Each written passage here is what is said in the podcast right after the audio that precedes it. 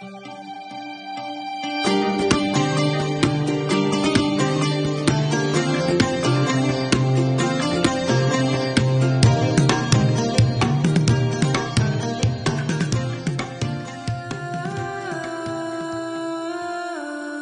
اتشخصت باكتئاب وأنا عندي 13 سنة. في وقت معين رفضت خالص أروح المدرسة رفضت أعيش حياتي يعني كطفلة. ريالا شموت 25 سنة 8 سنين اكتئاب ثلاث محاولات انتحار. لحد ما مرة فقت بنص الليل حاسة بضيق لا يوصف وعم ببكي بحرقة فظيعة.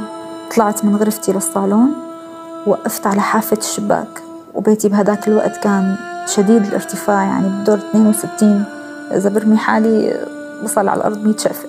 بعدها حسيت بزوجي واقف وراي عم يحاول ينزلني ويهديني.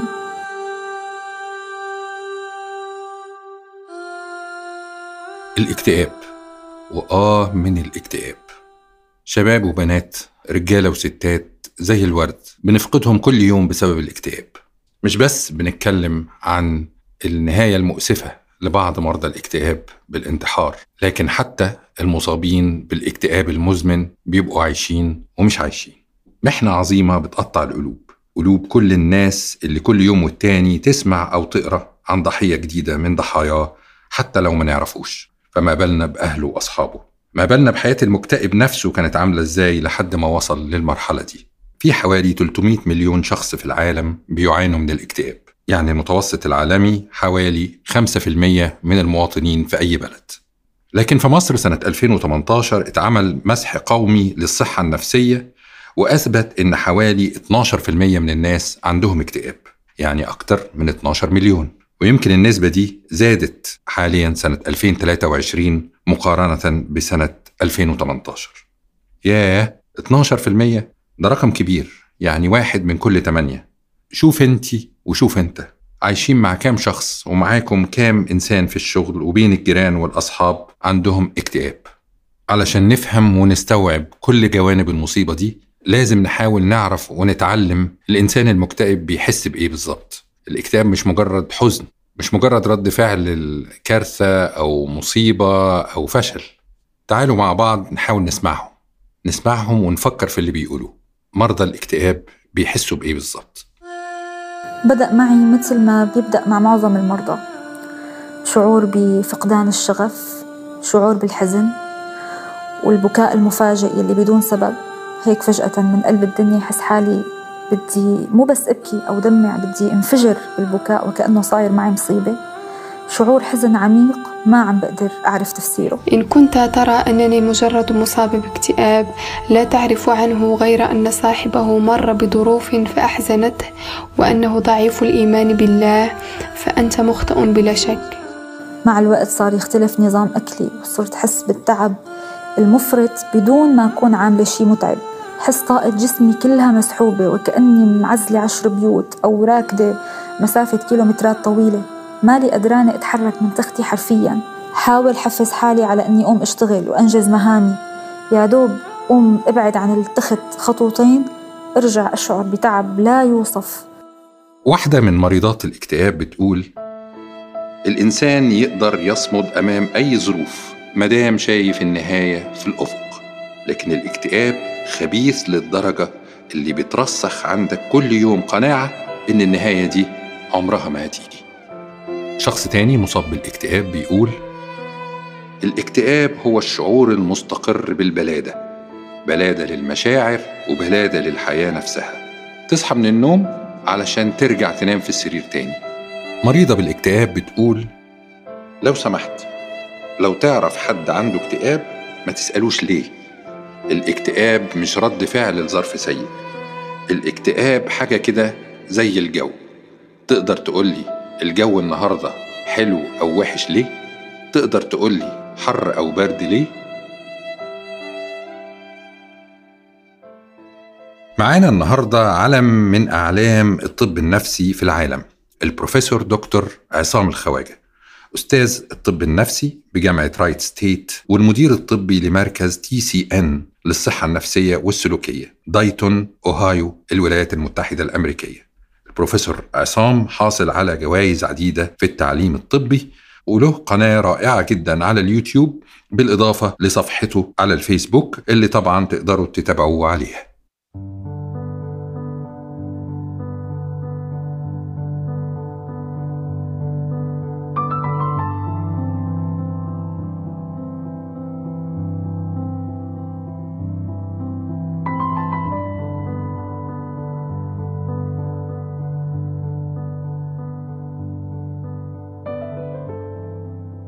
بنرحب بحضرتك معانا يا دكتور عصام. تنورنا وتورينا اللي إحنا مش شايفينه في موضوع الاكتئاب.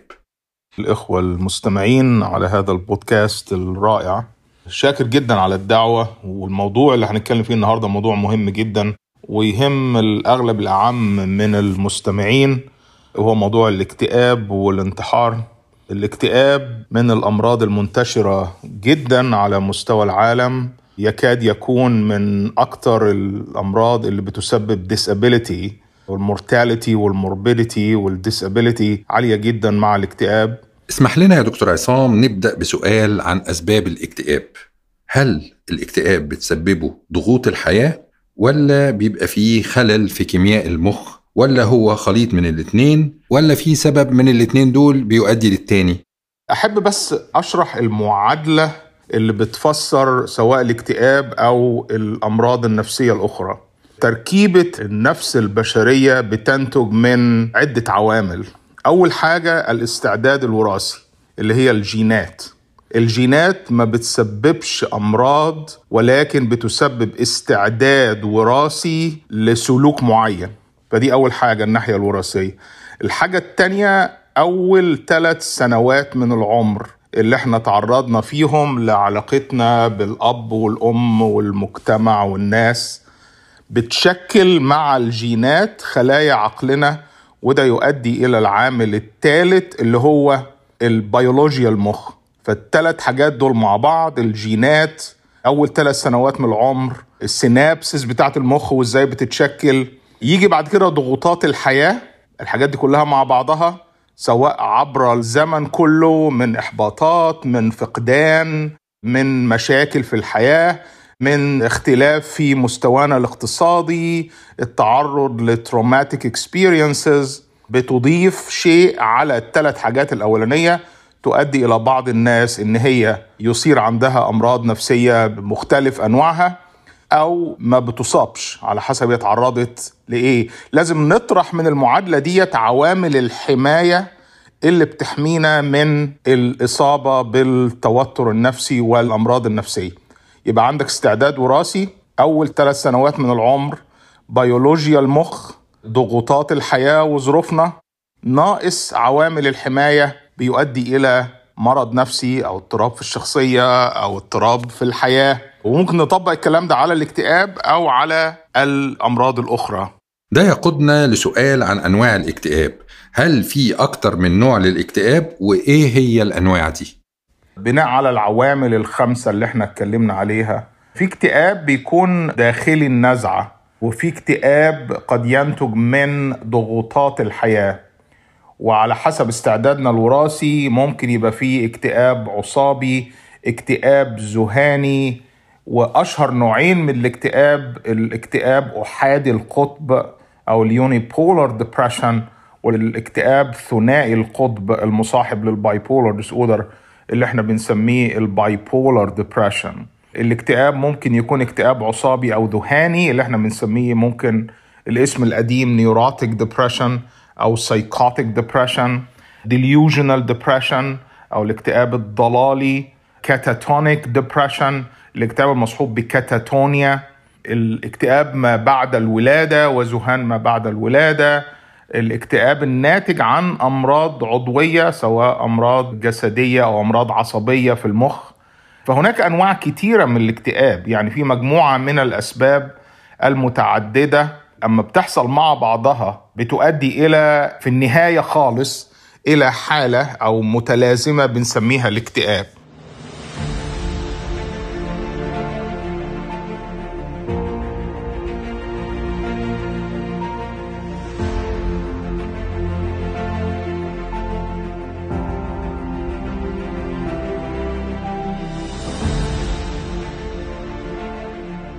إيه بقى الاعراض اللي بتبدأ في الظهور على الشخص في المتلازمة دي؟ أو بتعبير آخر إمتى الإنسان يبتدي يشك إنه بيعاني من اكتئاب مش مجرد حزن عابر عادي؟ بتعدي مراحل القدرة على التغلب على صعوبات الحياة وتصل إلى مرحلة من ال anhedonia أو فقدان الرغبة في الاستمتاع بالحياة وفقدان ال energy أو ال anergia والسوداوية المزاج. والتشاؤم الشديد وال hopelessness اضطرابات المزاج الشديدة الانعزال عن العالم اضطرابات النوم سواء عدم القدرة على النوم أو الاستيقاظ المبكر وعدم القدرة على النوم أجين وهو أحد اضطرابات النوم المصاحبة للاكتئاب أو النوم الكتير. اضطرابات الشهية سواء عدم الأكل أو زيادة الأكل. الأعراض الانتحارية سواء كان الرغبة في الموت أو عدم الاهتمام بالحاجات اللي بتخلينا أحياء إهمال العلاج مثلا أو التفكير في الانتحار أو التخطيط للانتحار أو محاولة الانتحار أو الانتحار. فإحنا دايما كل هذه الأعراض بتبقى على continuum من أول أعراض بسيطة إلى أعراض شديدة. يعني كل هذه الأعراض لما عديت الخط المعين اللي بيسبب لك بنسميه بالإنجليزي severe distress أو severe dysfunction أو significant distress و significant dysfunction.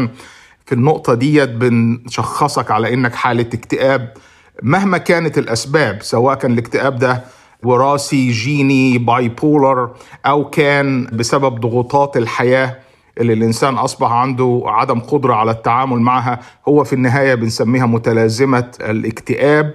يعني ممكن نقول تعددت الأسباب والإكتئاب واحد. يعني هو في النهاية هو اكتئاب. طالما وصلت لمرحلة الاكتئاب يبقى إحنا بنعالجك على إنك حالة من حالات الاكتئاب. دائما ردد بذهني كلمة إنه أنت فاشلة. أنت ما منك نفع. أنت أم سيئة. أنت زوجة غير ناجحة. هي الأفكار السلبية مع هذا التعب ومع كل هي الأعراض اللي ذكرتها عم تضغط علي بشكل يومي مستمر بدون انقطاع. واحدة من مريضات الاكتئاب بتقول الاكتئاب هو ألا تتحمل حتى وجودك وحدك في غرفة خالية.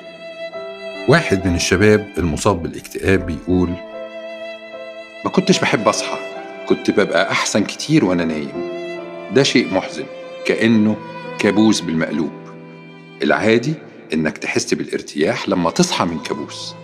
هنا أنت بتصحى علشان تواجه الكابوس. الإحساس بلفظ الآخرين للإنسان الإحساس إن هو عبء على الآخرين. هل كل اكتئاب لازم يؤدي بالضرورة للانتحار لو ما تعالجش ولا المكتئب اللي بينتحر بتبقى له خصائص شخصية مختلفة؟ وجود هذه الأعراض الاكتئابية الشديدة بتؤدي إلى أفكار إن الموت أفضل من الحياة.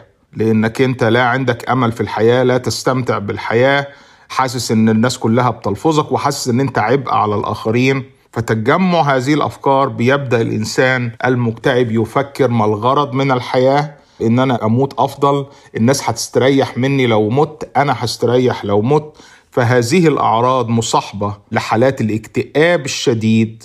مش كل حالات الاكتئاب بيصاحبها أعراض انتحارية ولكن قطعا عندما يشتد الاكتئاب تصبح الأعراض الانتحارية موجودة جدا وموجودة بكثرة. هل الناس هتعمل على تنفيذ هذه الأعراض الانتحارية وإن هو يحاول الانتحار ولا لأ؟ مش كل الناس بتقدم على ذلك لأسباب متعددة ولكن وجود هذه الأفكار الانتحارية إحنا كأطباء نفسيين بناخدها بمنتهى الجدية لأنها قد تؤدي إلى محاولات انتحار. الانتحار بنسميه permanent solution to a temporary problem. يعني هو حل دائم لمشكلة مؤقتة. ال study المشهورة اللي عملوها على الناس اللي قفزوا من ال Golden Gate Bridge في سان فرانسيسكو في حوالي 30 واحد نجوا من القفزة قفزة مميتة الكوبري عالي جدا. اللي نجوا من الانتحار من الكوبري. واحد عمل استادي من زمان وسألهم عن أفكارهم وإزاي انتحروا وإيه اللي حصل لهم شعورهم بعد ما نجوا من الانتحار. كل الناس قالوا بلا استثناء إن هم لما رجلهم سابت البلاتفورم وبدأوا في القفز في الهواء بعد أقل من ثانية من القفز ندموا على القفز ندموا على أنهم اتخذوا هذا القرار. يعني انت اول ما بتقفز بتبقى خلاص وصلت مرحلة من الهوبلسنس وفقدان الأمل. إنما كل الناس بعد ما نطوا من الكوبري ندموا على ما فعلوه. ده اللي إحنا بنسميه هو حل دائم لمشكلة مؤقتة لأن العلاج قادر على التغلب على الاكتئاب وعلى السيطرة على الأفكار الانتحارية.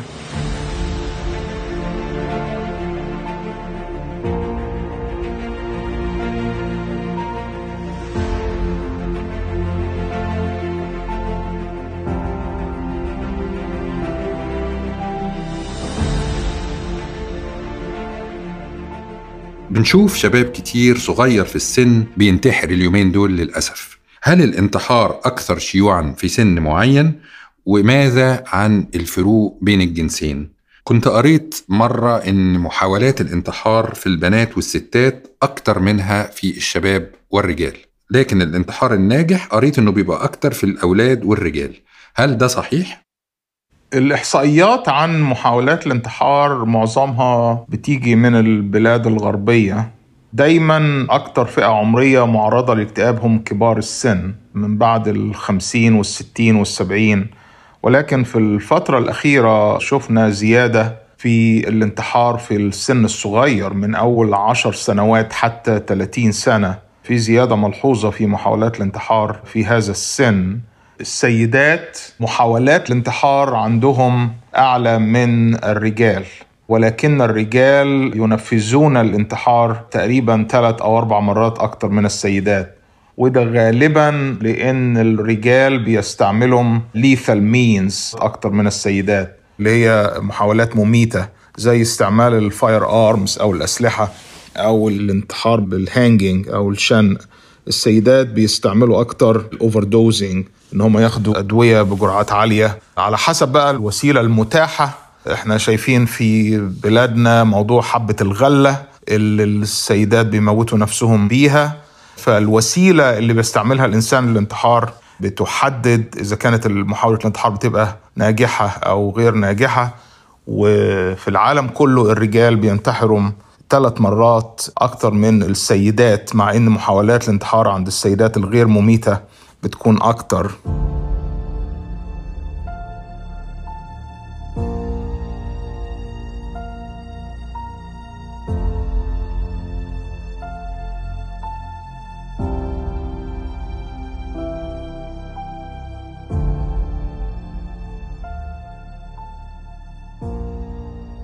عندنا قائمة طويلة بمشاهير انتحروا من أول كيلوباترا لحد روبن ويليامز مرورا بهتلر ومارلين مونرو وغيرهم.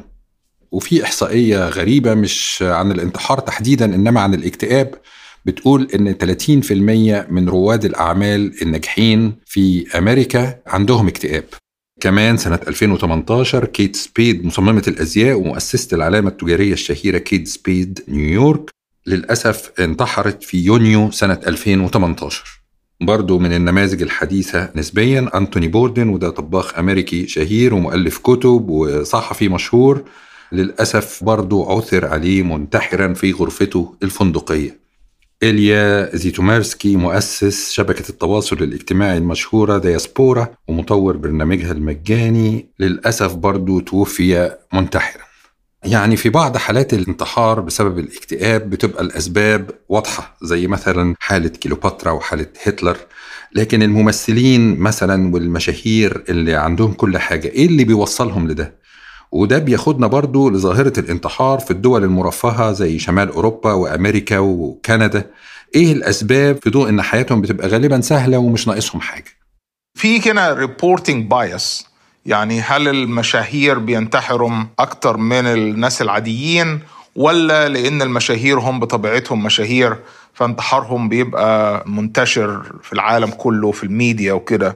الناس طبعا هتسأل إزاي يبقى أنت عندك كل حاجة من الشهرة والمال وحب الناس لك وتنتحر. طبعا الموضوع معقد والمشاهير في حد ذاتهم والمبدعين والفنانين قد يكونوا أكثر عرضة للاكتئاب وقد يكون الفن نفسه نتيجة من الاستعداد الاكتئابي عند الإنسان وقد يكون بعض الفنانين عندهم استعداد لل bipolar disorder وهناك علاقة معروفة منذ الزمن بين الإبداع والمرض النفسي.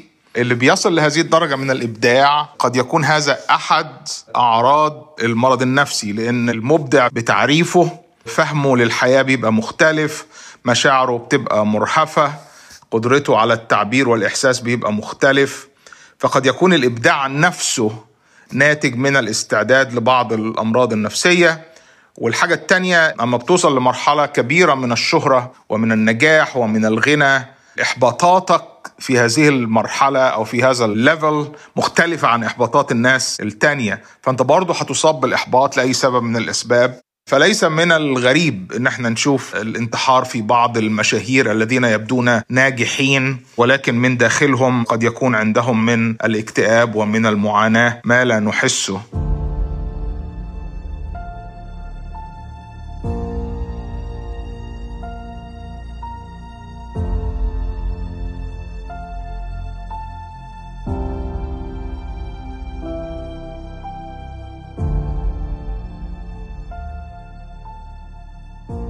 نفس الموضوع بيتسأل السؤال عن الانتحار في الدول المرفهة مثل أوروبا وأمريكا وكندا. نفس العملية برضو. أنت بتتكلم على إحباطات الحياة مش مرتبطة بفلوس أو بنت معاك إيه أو كده. بس أنا عاوز أقول حاجة إن في معلومة خاطئة بتقول إن أعلى معدلات الانتحار موجودة في الدول الإسكندنافية. ودي معلومة مش صح على فكرة. أنا راجعت آخر معدلات الانتحار في الدول سنة 19 و20 المعلومات ممكن تبقى متأخرة شوية. هتلاقي إن أعلى الدول في الانتحار دولة زي لوسوتو لسوتو في جنوب أفريقيا جويانا South Korea كوريا الجنوبية مايكرونيزيا ليتوانيا سورينام روسيا South Africa جنوب أفريقيا.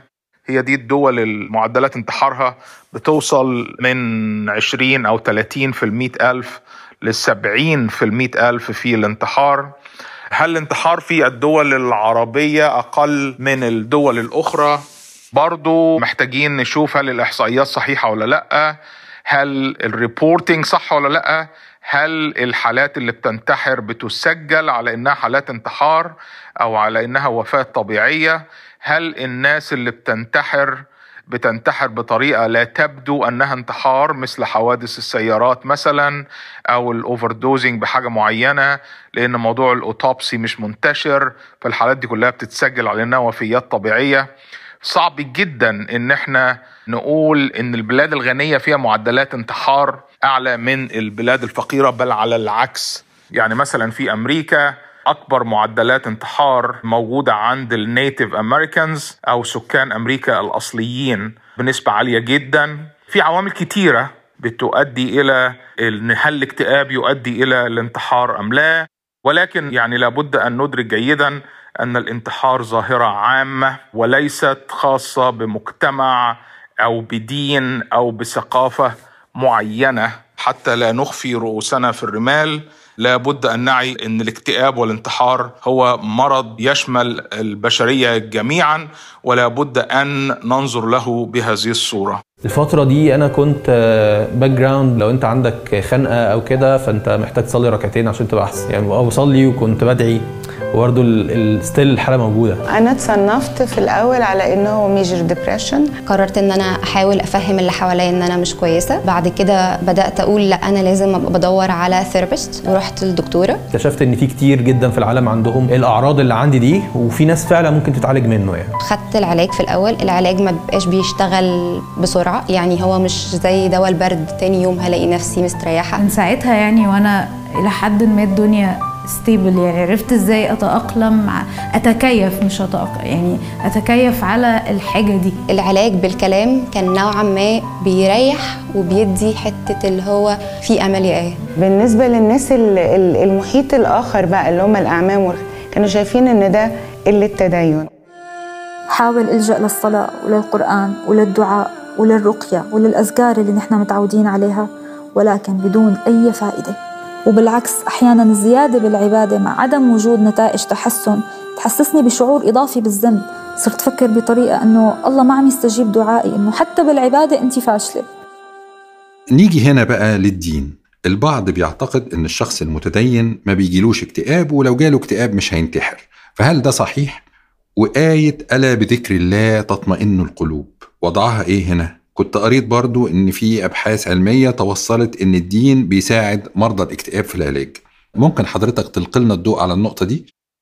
ده برضو من الأشياء المنتشرة أن المتدين لا يكتئب ولا ينتحر أو أن ينصح للمريض الاكتئاب بالعودة إلى الله والتدين وهذا قد يكون له نتائج كارثية على المريض لأن زي ما قلنا أنواع الاكتئاب وشدة الاكتئاب بتختلف من واحد لواحد.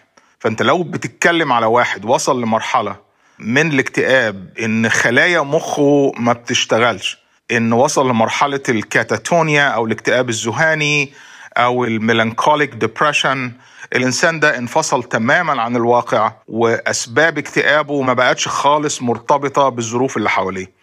فاللي وصل للمرحلة ديت إنك تقول له ارجع لربنا أو إنك أنت بس كل ما تقرب من ربنا كويس أو تقرأ كتابك المقدس ربنا هيفك عنك الغمة. أنا شايف إنك بتضره أكتر ما بتفيده. أنت هتخليه عنده إحساس بالذنب هتخليه عنده إحساس إن ربنا بيعاقبه. فلا بد أن ننظر للاكتئاب كمرض مثل السكر مثل السرطان مثل ال rheumatoid arthritis مثل الكورونا فيروس. ما تقدرش تقول لواحد انت مشكلتك انك اصبت بالكورونا ولا اصبت بالسرطان ان علاقتك بربنا مش كويسة بس قرب من ربنا شوية وربنا هيشفيك. أرجوكم يا جماعة كل هذه المحاولات قد تؤدي إلى نتائج كارثية على المريض ولن تفيده في شيء.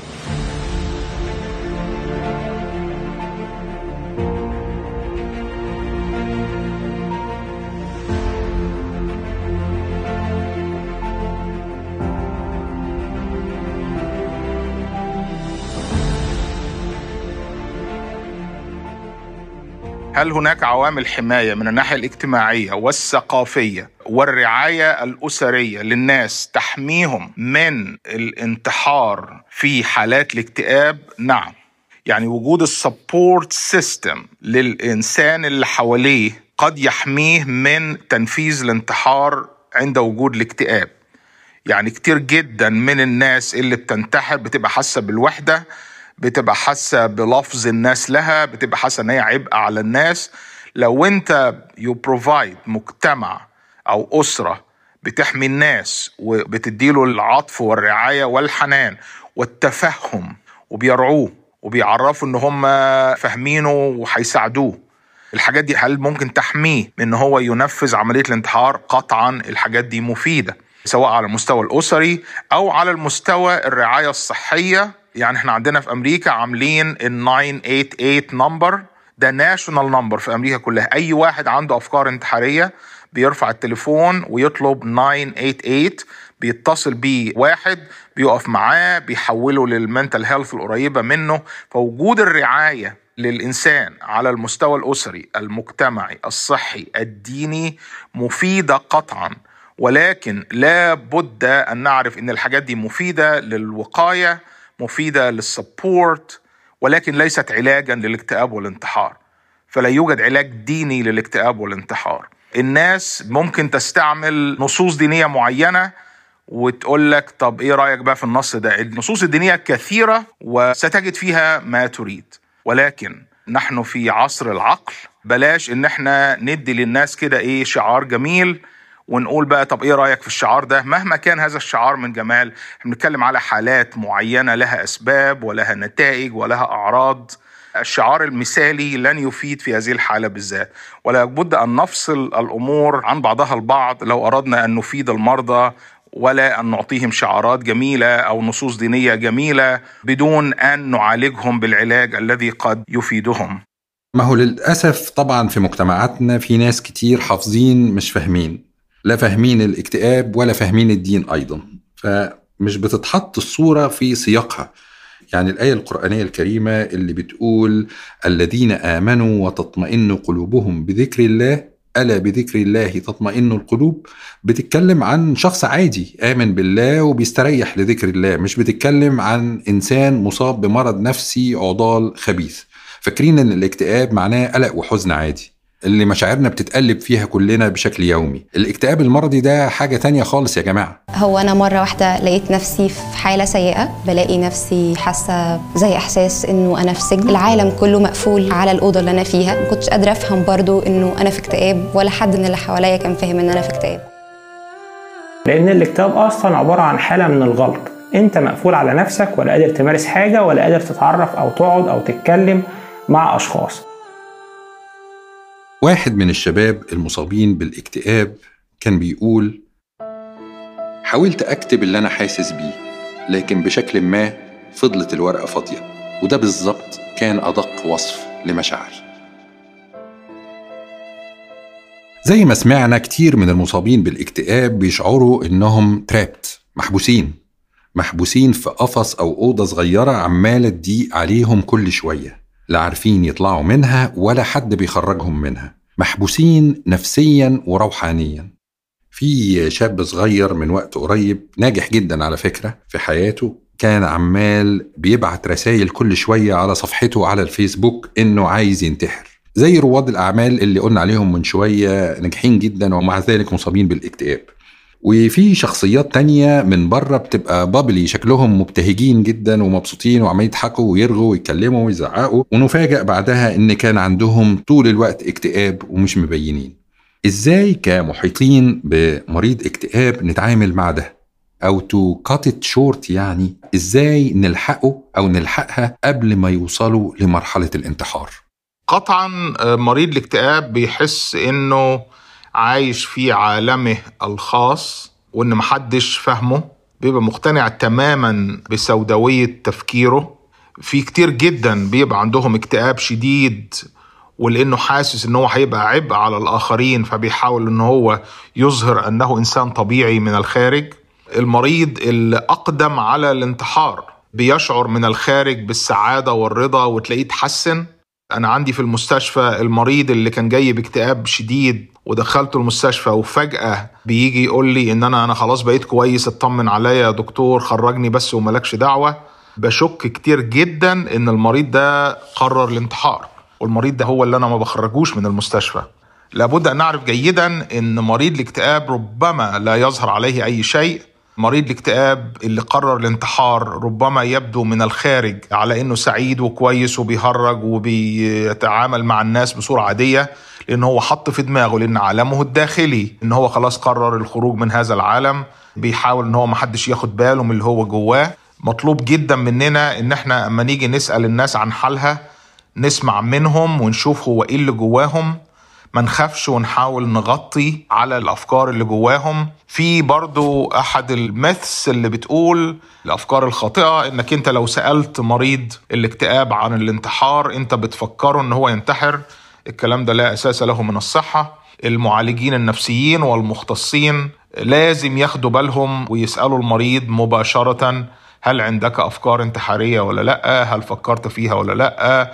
وإلى متى هذه الدرجة؟ عندنا طريقة معينة بنسأل بيها المريض ولازم تقرأ المريض من عينه وتشوف هو جواه إيه وتاخد بالك. أنا بقول للناس هناك دائما قصة وراء القصة. لا تنجر ورا الشكل الخارجي للمريض. كل ما كان المريض بيثق فيك وعارف إن أنت لا تحكم عليه بتبقى أنت أكثر قدرة إنك تطلع الأفكار والمشاعر السلبية اللي موجودة جواه. إنما لو المريض بيحس إن أنت هتحكم عليه أو هتضحك عليه أو مش هتاخده بجدية أو مش هتفرق معاه anyway مش هيقول لك اللي جواه. والحاجات اللي إحنا بنفاجئ إن المريض ده انتحر لأن الناس اللي حواليه ما قروش إيه اللي بيحصل. أو كانوا خايفين يسألهم أو كانوا واخدين موقف أو هم نفسهم كانوا فعلا خايفين اللي بيحصل. اللي عايز يساعد قريبه أو صديقه أو جاره أو أي واحد عنده هذه المشاكل يقف جنبه ويسأله ويمدله إيد المساعدة وأتمنى أن يكون عندنا من الرعاية الصحية النفسية إنها تكون متاحة للمرضى اللي وصلوا لهذه المرحلة من الاكتئاب ومن الأفكار الانتحارية.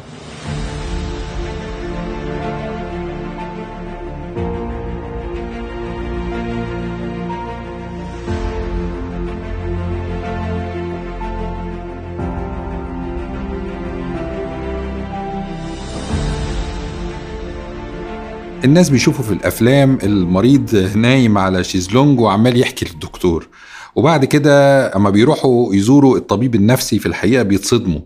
يلاقوا الدكتور كتب لهم روشتة وخلاص. كانوا فاكرينه يعني هيقعد يتكلم معاهم ويسمع منهم وكده. فبيفاجئوا ويصدموا إن هو الموضوع مجرد دواء وخلاص. الدور ده دور الشيزلونج والكلام والسمع للمريض فيما أفهم يعني دور ال psychologist اللي هو المعالج النفسي مش ال psychiatrist اللي هو الطبيب النفسي. فممكن حضرتك تشرح للناس الفرق بين الاتنين؟ الفرق بين ال psychologist وال psychiatrist ال psychiatrist طبيب نفسي دخل كلية الطب ثم تدرب في الطب النفسي أخذ أربع سنوات في الطب النفسي وأحيانا علم الأعصاب والطب النفسي في بعض البلاد بيبقوا combined مع بعض. فهو طبيب في الأساس معاه رخصة طبية ولكن تخصصه في العلاج النفسي.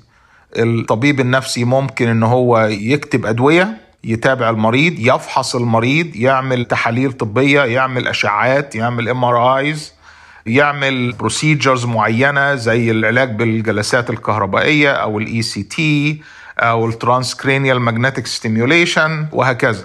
فهو ال psychiatrist أو الطبيب النفسي ده دكتور من الأساس. برضو الطبيب النفسي بيبقى واخد تدريب في العلاجات النفسية المختلفة سواء العلاج النفسي التحليلي أو العلاج النفسي المعرفي السلوكي أو ال dialectic behavioral therapy ال DBT أو العلاج الجدلي أو أنواع العلاجات الأخرى. ده بيحتاج بعض ال training وال certification بس الحاجات دي كلها بتشمل الطبيب النفسي. ال psychologist بيقوم بعملية العلاج النفسي وهو غالبا بيكون دخل قسم علم النفس في كلية الآداب أو كلية التربية أو أي كلية أخرى وخد كورسات وخد training تدريب في العلاجات النفسية المختلفة القياسات النفسية المختلفة. لا يمكنه إن هو يكتب أدوية لا يمكنه إن هو يعمل الحاجات ال procedures فشغله مش طبي. شغله علاجات نفسية وقياسات نفسية وما يصاحبها من أشياء مماثلة. كتير جدا من عيادات الطبيب النفسي بيبقى معاه معالج نفسي في العيادة أو في المستشفيات. عندنا معالجين نفسيين كتير موجودين. فالمعالج النفسي مع الطبيب النفسي بيشتغلوا مع بعض in collaboration في المراكز النفسية والمراكز الاجتماعية لعلاج المريض النفسي بكل أنواع المرض النفسي. بالنسبة للمريض اللي نايم على شيزلونج ده العلاج النفسي التقليدي التحليلي اللي هو ال psychoanalysis اللي هو مشهور بال Freudian psychoanalysis بعض الأطباء النفسيين أو المعالجين النفسيين متدربين ومعهم certification في العلاج النفسي التحليلي لازم الدكتور اللي هيعالجك بعلاج نفسي تحليلي يكون معاه certification أو نوع من التخصص في هذا المجال. إنما معظم الأطباء النفسيين ما بيقعدوش المريض على الشيزلونج المريض بيقعد قدام الطبيب بيفحصه. لابد من فحوصات طبية وهناك بعض الأدوية أو العلاج النفسي اللي ممكن يتم على الشيزلونج أو وأنت قاعد face to face على الكرسي. لو عندنا اكتئاب نروح لمين الأول؟ ال psychologist المعالج النفسي ولا ال psychiatrist الطبيب النفسي؟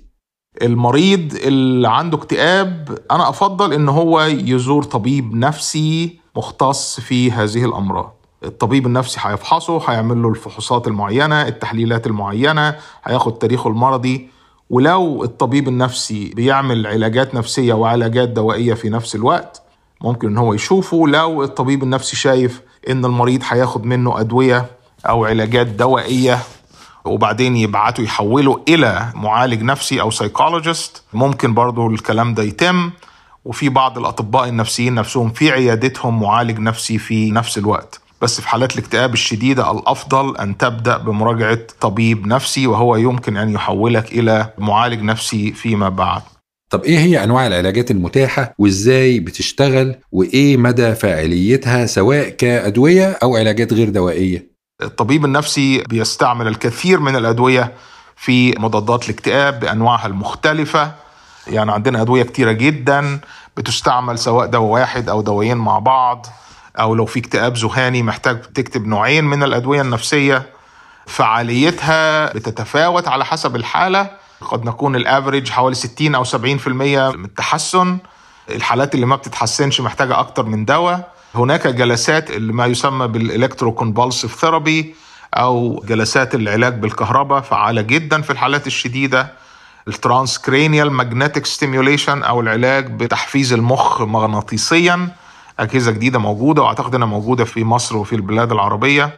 الأسبوع اللي فات كنا عملنا حلقة عن الجديد في الطب سنة 2023 واتكلمت أنا عن علاجات جديدة لعدة أمراض لكن ما اتكلمتش على الاكتئاب لأني وعدت الأصدقاء المستمعين إني هستضيف حضرتك. فلا يفتى ومالك في المدينة.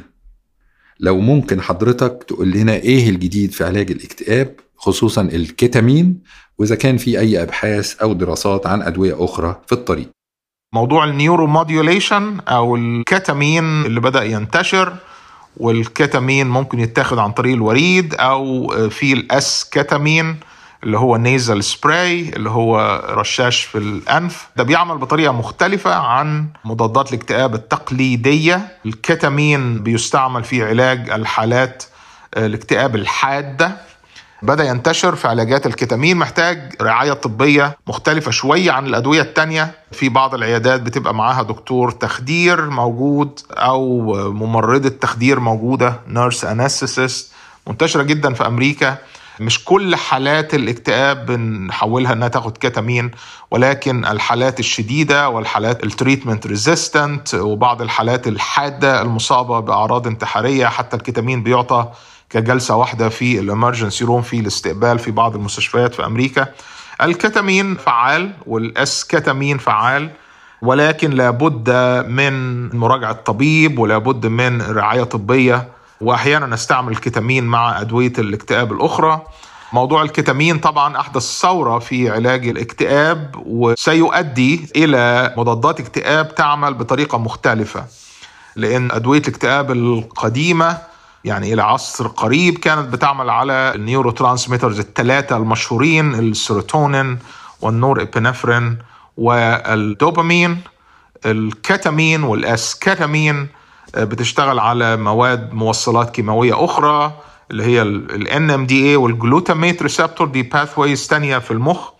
فمع نجاح الكتامين شركات الأدوية حاليا بتشتغل على أدوية مماثلة للكتامين ممكن تعطى عن طريق الفم ولا تحتاج إلى الرعاية الطبية الخاصة المرتبطة بالكتامين والاسكاتامين في المستقبل هنلاقي أدوية للاكتئاب كلها بتشتغل على ال glutamate receptors بأنواعها وممكن نشوف أدوية أكثر فعالية في علاج الاكتئاب. في أبحاث حاليا بتتعمل في ال National Institute of Mental Health وبعض الجامعات الأمريكية على موضوع ال psilocybin وال psychedelic drugs مش لاستعمالها هي نفسها ولكن تأثيرها ممكن يكتشفوا أدوية جديدة بتعمل على different serotonergic system ممكن إنها تحسن الاكتئاب وتواصل الإنسان وتعاطفه مع الحياة. ده جاي في الطريق. Different serotonergic pathways عن اللي موجودة حاليا. ففعلا في أدوية كتيرة في طور الاكتشاف مش بس أدوية معينة ولكن الباثواي نفسها أو الوصلات الكيميائية اللي بتؤدي الاكتئاب بدأ إن هم يكسبلورت يعرفوا إيه هي دلوقتي. وفي أدوية كتيرة ممكن تشتغل على وصلات على سيركوتري تانية وتحسن الاكتئاب. نمرة واحد بطريقة أسرع نمرة اتنين بطريقة أكثر فعالية. ولما نبدأ بأخذ الأدوية بدنا ننتظر أقل شيء مدة ثلاث أسابيع أو شهر لحتى يبدأ الدواء يشتغل ويعطي مفعول. خدت العلاج في الأول العلاج ما بيبقاش بيشتغل بسرعة يعني هو مش زي دواء البرد تاني يوم هلاقي نفسي مستريحة. أكتر حاجة مريض الاكتئاب محتاجها حقيقي هو إن هو يتصدق وإن هو يتشاف. النوم بدري بيقلل كمية كبيرة من عدد ساعات حزنك. أغلب الأحزان بتزورك بالليل في الوقت اللي قبل النوم. الجري والعوم والرقص ولعب الرياضة وقيادة الدراجات. الحاجات دي كلها بتخليك ما تفكرش غير في إنك بتمارسها. بتفكر في اللحظة الحالية. بتستخدم جسدك وبتستخدم عقلك عشان تقدر تمارسها. فبالتالي أنت بتكون فكيت القيود بتاعة الماضي وفكيت القيود بتاعة الخوف من المستقبل. بدأت بالتدريج. أتخلص من الأفكار السلبية اللي كانت عم تسكنني طول هاي الفترة. وأعرف إنه هاي النظرة السلبية ما هي أنا. ما هي نور ما هي شخصيتي اللي بعرفها؟ هي سبب عارض علي سبب مؤقت بسبب المرض. صرت أعرف إنه ضعفي الجسمي وقعدتي بالتخت مو لأني كسولة أو لأني مهملة لأني مريضة وإنه نظرتي الدونية لنفسي وإحساسي بالفشل والذنب ما هو لأني سيئة ولا لأني فاشلة كمان لأني مريضة. وضروري جدا إن أنت تحب نفسك دلعها روق عليها جيب لنفسك هدايا اعزمها على الغدا اقف في المراية قول لنفسك انت شخصية كويسة جدا. تقبل عيوبك تقبل أخطائك تقبل فشلك تقبل نجاحك. لأن الاكتئاب من النهاية هو نوع من كره وتدمير الذات. فأنت محتاج الفكرة النقيضة إن أنت يكون عندك حب لذاتك والحب ده معناه إن أنت تتقبل التناقض والضعف والقوة والوحدة وكل المشاعر دي جواك.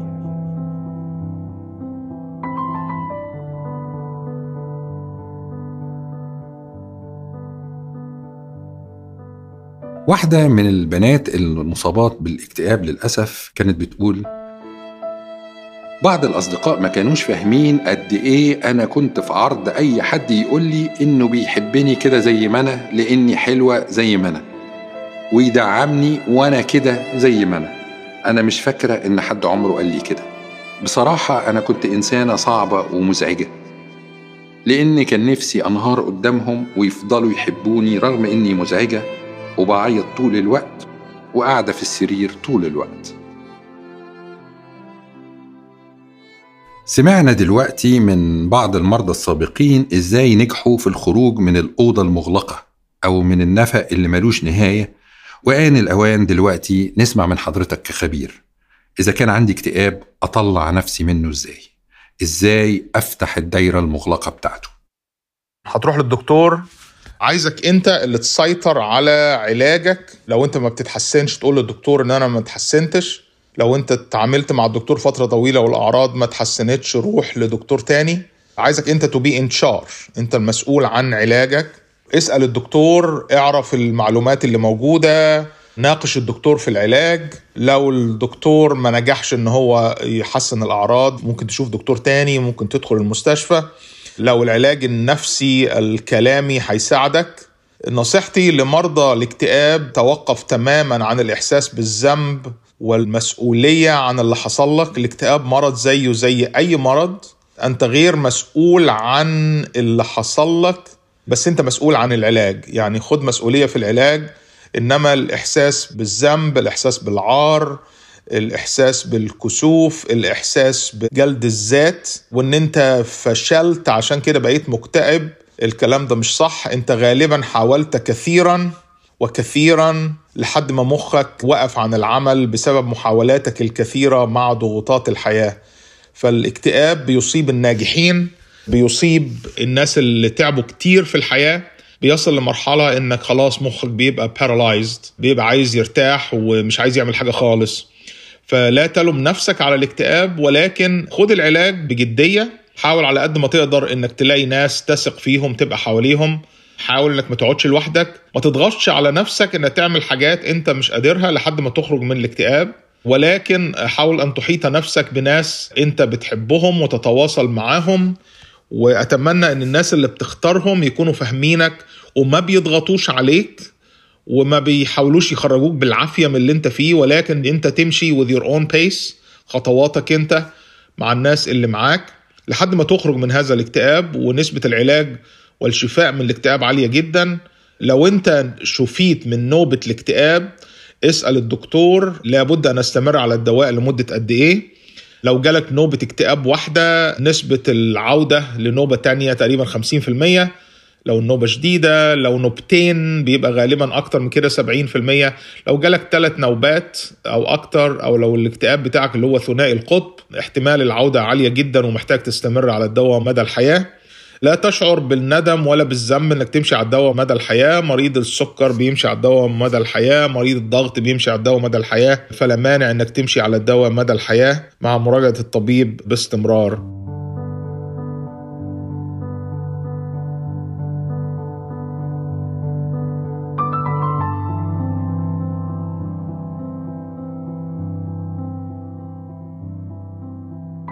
الوقاية خير من العلاج أو حسب المثل العربي الشهير درهم وقاية خير من قنطار علاج.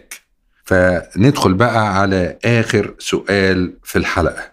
لو كان عندي اكتئاب وخفيت منه أو حتى عمر ما جالي اكتئاب ولا حد أعرفه عنده اكتئاب لكن خايف يجيلي مستقبلا الوقاية إزاي؟ إزاي نحمي نفسنا واللي بنحبهم من حدوث الاكتئاب أو تكرار الاكتئاب مستقبلا؟ هل في وصفة لتجنبه أو وصفة إننا نلحقه في أوله قبل ما يتطور؟ وإزاي نتعامل مع ضغوط الحياة المختلفة؟ إزاي تعيش حياتك بفهم الحياة بصورة طبيعية؟ أنا اتكلمت عن خمس نقاط لمن أراد أن يفهم الحياة بصورة صح. ويمكن يقي نفسه من ضغوطات الحياة ويتعامل معها بطريقة سليمة. نمرة واحد افهم أن الحياة غير عادلة. وغير متوقعة. ولا تسأل نفسك لماذا حدث هذا لي ولكن دايما لو عاوز تسأل نفسك كيف أحل هذه المشكلة. افهم جيدا أننا يا عزيزي كلنا أغلب من الغلب كلنا بنصارع الحياة. مش أنت لوحدك كلنا عندنا استعداد لتأثير ضغوطات الحياة والاكتئاب. لا تقارن نفسك بأحد انت ما تعرفش الناس اللي حواليك اللي بيضحكوا ومبسوطين واغنياء كم المعاناة اللي جواهم. اتكلمنا عن موضوع المشاهير. مهم جدا إن الإنسان يغفر لوالديه ولماضيه ويمضي في طريقه. عملية التعافي من آلام الماضي لابد أن تبدأ من الصغر والواحد يتحمل مسؤولياته كاملة ويعتمد على نفسه في كل شيء منذ الصغر. نصيحتي لكل الشباب أن تعيش حياتك لحظة بلحظة. ويوم بيوم الكلمة اللي أنا بقولها أنت والآن وهنا. الكثير من الناس بيعيشوا حياتهم يتأرجحون بين آلام الماضي والخوف من المستقبل وبينسوا دايما إن في لحظة آمنة هانئة بنعيش فيها دلوقتي دعنا نستمتع بها ونحاول الحصول على أفضل نتيجة ممكنة. وعندما تكون عندك هذه اللحظة الهانئة حاول أن تشعر بالامتنان والشكر والقبول الذات وقبول الحياة في هذه اللحظة. أنا دايما بقول للناس اجعل الحمد لله فلسفة لحياتك. You here and now أنت والآن وهنا فقط لحظة بلحظة ويوم بيوم. آخر نقطة عاوز أقولها للناس افعل أشياء كثيرة واجعل دائما سلوكك يسبق دوافعك. وقلل سقف توقعاتك. اعمل نجاحات صغيرة جدا جدا جدا جدا وكن فخورا بنفسك في كل نجاح وكل خطوة انت بتعملها. الكلام ده بقوله لكل الناس سواء كنت معرضا للاكتئاب أو عندك اكتئاب أو كان عندك اكتئاب قبل ذلك أو لا زلت صغيرا وتريد أن تفهم الحياة بطريقة واقعية ومنطقية.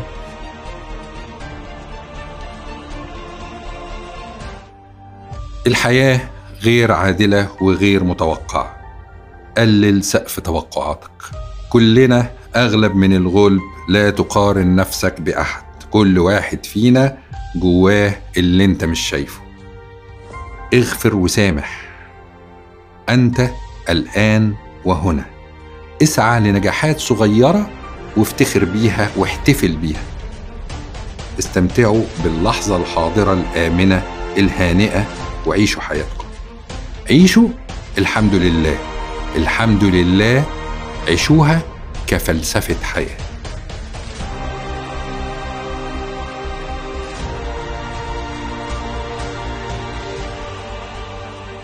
كلمات من نور سمعناها من البروفيسور عصام الخواجة خبير وعلم الطب النفسي الأستاذ بجامعة رايت ستيت دايتون أوهايو الولايات المتحدة الأمريكية. يا ريت كلنا الكلام ده مش بس نحطه قدام عينينا لا لازم نحوله لأسلوب حياة علشان ننجو بسلامنا النفسي وراحة لأرواحنا كل يوم. الدكتور عصام طبعا زي ما قلنا في الأول عنده قناة رائعة على اليوتيوب بالإضافة لصفحته المتألقة على الفيسبوك وبيرحب دايما بالتواصل معاه. مش عارفين نشكر حضرتك إزاي على الحوار الثري عظيم الفائدة ده. شاكر جدا على استضافتي في هذا البودكاست وتحياتي لكل الأصدقاء وكل المستمعين ولحضرتك شكرا وإلى اللقاء. في كتاب أطلس الاكتئاب للكاتب النفسي المشهور أندرو سولومون بيقول اسمعوا الناس اللي بيحبوكم صدقوا إنهم يستاهلوا إنكم تعيشوا عشانهم. حتى لو أنتم مش مقتنعين بده. دوروا على الذكريات اللي الاكتئاب خدها منكم واحلموا إنها هتحصل تاني في المستقبل. خدوا الدواء. العبوا رياضة لأنها هتساعدكم حتى لو كانت كل خطوة بتجروها توزن ألف كيلو. كلوا حتى وأنتم مش طايقين الأكل. انتهى كلام أندرو سولومون ها هنقدر نفتح الباب؟ هنقدر كأصحاب وحبايب وقرايب نفتح الباب لأي حد نعرفه مصاب بالاكتئاب؟ وناخده من إيده نطلعه للنور والهواء والحياة. هنقدر كمرضى اكتئاب نمسك الأكرة بكل قوة وبدون تردد ونفتح الباب ونخرج ونقفله ورانا. هنقدر نفضل في النور والهواء ونضحك من قلبنا من بره وجوه؟ هنقدر طبعا. كل يوم في ناس غيرنا ومش أحسن مننا بيقدروا. إحنا ما نقدرش ليه بقى؟ يلا بينا. لفوا لفة كده طول الأسبوع وتعالوا لنا تاني. كراسيكم في أول صف مستنياكم الأسبوع الجاي إن شاء الله.